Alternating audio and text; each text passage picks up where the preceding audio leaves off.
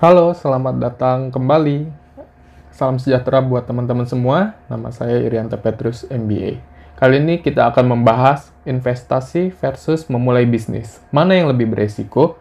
Nah, kita pertama-tama akan membahas hal-hal apa yang perlu diketahui dari investasi maupun bisnis online.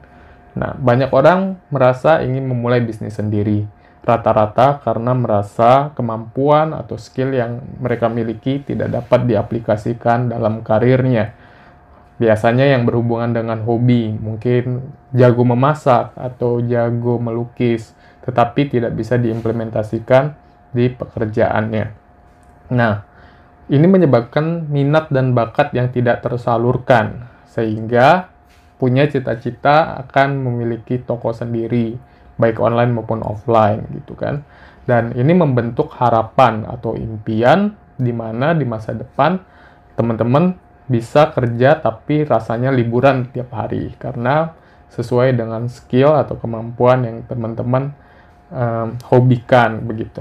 Nah, di lain sisi banyak juga yang memimpikan memiliki investasi tujuannya untuk persiapan masa tua atau investasi untuk persiapan keluarga Nah, kalau kita buka di internet itu banyak tuh yang menawarkan investasi, misalnya akan mendapatkan keuntungan satu juta per hari gitu.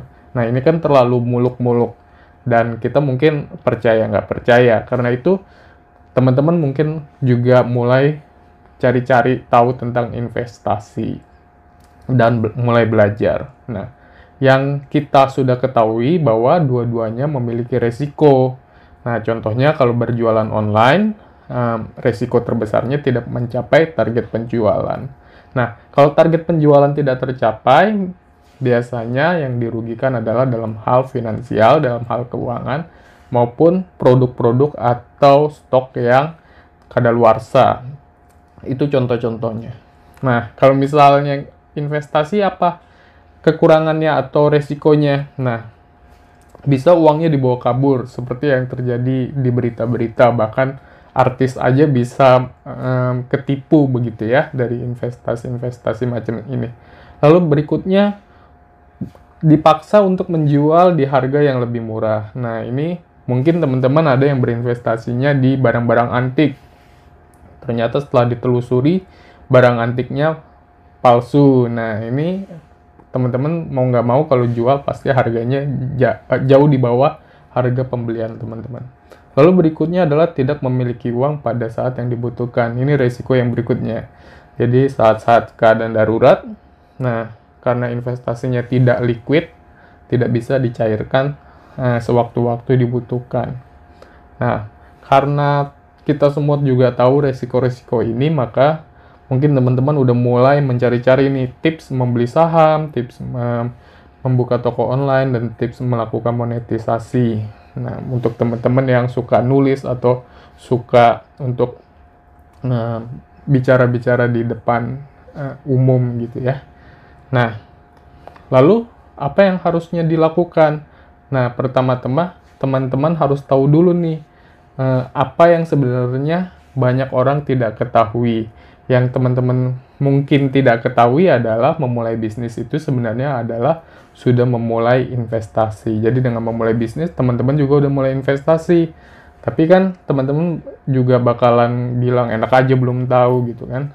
Ya kan memang memulai bisnis itu adalah memulai investasi karena saya menginvestasikan uang saya, usaha saya, tenaga saya, dan waktu saya. Nah, ini kesalahan yang umumnya terjadi bahwa kalau teman-teman memulai bisnis itu yang teman-teman investasikan hanya uang teman-teman. Sedangkan waktu dan tenaga yang dihabiskan itu adalah beban upah dalam bisnis kamu. Jadi eh, waktu yang dihabiskan atau tenaga yang dihabiskan seharusnya masuk ke dalam komponen beban upah bukan komponen investasi. Kita ambil contoh kasus misalnya um, yang sekarang lagi diberikan oleh pemerintah gitu kan yang dipromosikan uh, pemerintah SBR 009 itu bunganya 6,3% per tahun. Jadi dengan modal 10 juta secara gross teman-teman bisa mendapatkan hasil investasi 630.000 per tahun. Nah, di sisi lain, teman-teman mungkin bisa menggunakan 10 juta tersebut untuk membuka toko online. Nah, saat membuka toko online, misalnya toko baju anak gitu, sebulan bisa untung 800.000. Nah, di sini kan terlihat sangat kontras ya. Yang satu 630.000 setahun lagi, sedangkan yang satunya lagi 800.000 per bulan. Nah, di sini kelihatannya memang lebih menguntungkan bisnis online, tapi sebenarnya yang teman-teman tidak masukkan dalam komponen adalah yang tadi beban upah uh, diri teman-teman sendiri. Di sini kamu sudah menghabiskan 6 jam sehari misalnya untuk ngurusin toko lalu menghabiskan tenaga kamu untuk mengatur stok setiap hari, terus mempersiapkan stok setiap malam untuk uh, pesanan yang berikutnya, hari berikutnya. Bahkan teman-teman sebelum tidur pun masih harus uh, menyusun stok atau menulis-nulis uh, daftar alamat atau saat lagi berkumpul dengan keluarga harus membalas chat-chat dari konsumen. Nah, itu kan kalau teman-teman menyuruh orang atau istilahnya um, meng-hire pekerja untuk melakukan hal tersebut, mungkin penghasil uh, teman-teman harus menyediakan upah minimum satu juta per bulan. Nah, di sini teman-teman bisa lihat bahwa penghasilan toko selama ini 800 ribu, sedangkan uh, mengambil upah orang itu minimum satu juta per bulan, maka kalau teman-teman menggaji teman uh, menggaji diri sendiri berdasarkan keuntungan toko, maka teman-teman sebenarnya rugi 200.000 per bulan. Nah, kalau sudah membandingkan seperti ini, teman-teman jadi lebih realistis. Um, mana sih yang lebih besar resikonya investasi atau um, ke toko online begitu kan? Saat ber, berinvestasi, teman-teman kehilangan, eh, sorry, saat berinvestasi teman-teman memperoleh 630.000 misalnya di sisi lain, teman-teman rugi 200.000 per bulan dikali 12 ketika teman-teman melakukan bisnis online. Maka bisnis online menjadi lebih beresiko menggunakan contoh ini ya. Nah, dengan cara seperti ini teman-teman bisa mengembangkan perasaan yang lebih fair gitu kan. Jadi, banyak toko online yang merasa tertipu bahwa mereka sepertinya sudah memiliki keuntungan padahal mereka tidak menggaji diri mereka sendiri. Nah, ini membuat banyak toko online sebenarnya rugi tapi tidak kelihatan. Nah, tanda-tandanya apa? Tanda-tandanya adalah teman-teman mungkin merasa lelah uh, tapi tidak terbayar. Nah, ini istilahnya kerja rodi. Capek tapi tidak dibayar. Sedangkan di sisi lain, kalau berinvestasi tidak melakukan apa pun, dan memang tidak melakukan apa pun jadi sebenarnya tidak perlu pembayaran dalam bentuk gaji. Nah, di sini ketika teman-teman harus mempertimbangkan uangnya buka bisnis online atau berinvestasi, yang harus teman-teman lakukan adalah untuk memahami kondisi diri sendiri dan lingkungan. Seperti apakah itu? Nah, pertama teman-teman harus kenal dulu potensi diri sendiri. Apakah teman-teman sudah yang terbaik atau teman-teman sudah yang paling bagus dalam melakukan bisnis tersebut. Misalnya teman-teman mau buka um, toko makanan. Nah, apakah masakan teman-teman menurut saudara, menurut kerabat teman-teman sudah uh, seenak itu gitu ketika mereka bilang sebenarnya sih rasanya biasa saja daripada teman-teman uh, berbisnis, teman-teman bisa melakukan investasi ke kenalan yang memang mem, uh, terbaik dalam hal memasak. Itu contohnya. Kemudian sumber daya, apakah teman-teman memiliki waktu yang dibutuhkan? Misalnya, kalau teman-teman punya waktu senggang, memang uh, tidak melaku, uh, banyak waktu luangnya ketika ada di rumah, nggak ada salahnya memang teman-teman untuk memulai bisnis online. Tapi kalau misalnya teman-teman memiliki tanggung jawab yang besar sebagai pegawai di perusahaan lain, maka akan ada saatnya di mana um, di perusahaan teman-teman mengalami hektik, sedangkan di bisnis online teman-teman juga mengalami hektik dan teman-teman tidak bisa ngatur fokus pada saat yang bersamaan sehingga dua-duanya akan berantakan. Dan yang terakhir yang teman-teman harus perhatikan adalah toleransi resiko teman-teman sendiri. Uh, kalau teman-teman merasa toleransi resikonya besar, uh, go ahead.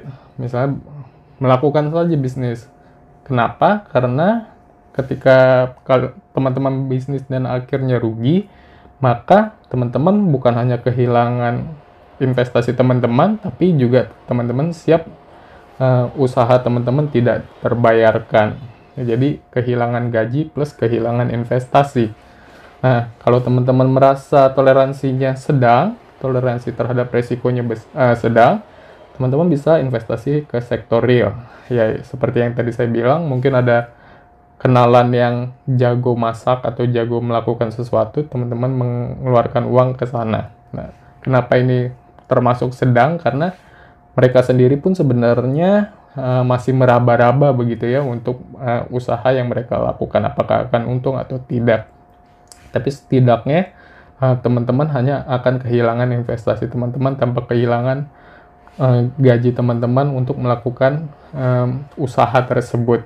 Nah, yang terakhir adalah kalau teman-teman memiliki um, toleransi risiko yang cukup kecil, teman-teman bisa ke instrumen investasi yang ditawarkan pemerintah seperti surat utang negara.